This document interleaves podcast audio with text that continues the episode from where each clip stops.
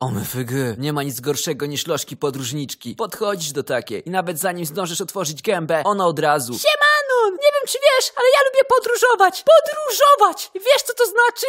Kurwiu? Nie no spoko, myślisz sobie, próbujesz zagadać o Bieszczadach albo innym wypadzie do Włoch. Ale ta nie, zatrzyma cię w pół słowa i od razu. Bieszczady to bieda góry! Ja ostatnio zwiedzałam dzikie, nieoznakowane szlaki w południowych łańcuchach Alp Mołdawskich. Nie słyszałeś o nich? No Jaszka, bo przeczytałam o nich w piśmie dla koneserów podróżników, takich jak ja. XD. Ostatnio jak jechaliśmy z ekipą, to z 30 osób wróciło 6. Resztę zjadł orangutan, ale i tak było zajebiście XD. Wiesz, nie korzystaliśmy z kwater, bo nikt tam nie mieszka, więc mieliśmy tylko dziurawe namioty, zabrane napotkanym na drodze. Zmarłem z wyziębienia podróżnikom XD. Po dwóch godzinach marszu śmierdzieliśmy już potem i moczem na 100 kilometrów, więc zaczęły iść za nami wilki. Po śmierci sześciu osób dla zabicia zapachu codziennie kąpaliśmy się w gównie. Nie było też jedzenia, więc jak skończyły się zapasy, to wpierdalaliśmy błoto i padlinę. Eh, mówię ci Janon, góry i prysznic, ty z chuja nie podróż. Pokazałabym ci zdjęcia, ale musiałam sprzedać aparat, by mieć na powrót, bo hehe, portfel zaginął mi w lawinie skalnej podczas polowania na dzikie świstaki.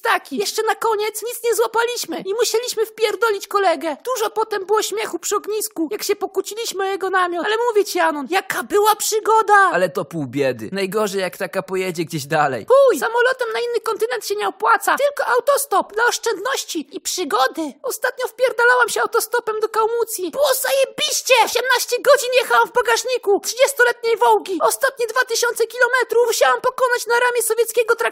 Co prawda, w drodze powrotnej w celu złapania autostopu musiałam dać dupy wąsatemu czukczy, a koleżankę sprzedali do burdelu w Korei Północnej. Ale zawsze jest jakieś ryzyko, gdy chodzi o przygodę. Nocleg, żaden booking. Jechać trzeba w nieznane. Najlepsze noclegi miałam w brzuchu wieloryba i w leju powstałem po wybuchu bomby w Jemenie. A, no i był jeszcze ten raz, gdy pozwolili mi spać pod podkładem statku jakichś przemytników. W zamian co prawda musiałam się zgodzić na zaszycie mi w żołądku 12 kg kokainy. No ale czego nie robi się dla przygody? Teraz mam kolejne plany. Może Australia? Dla oszczędności przepłynę w pław oba oceany, a bagaż przywiążę sobie do stopy. Rozważam też przypięcie się jakoś do kotwicy tankowca. Mówię ci, Janon, tak zdrowiej. A ty co? Dalej łamanie sobie kręgosłupa w polskich busach? Nawet mi cię nie żal, robaku.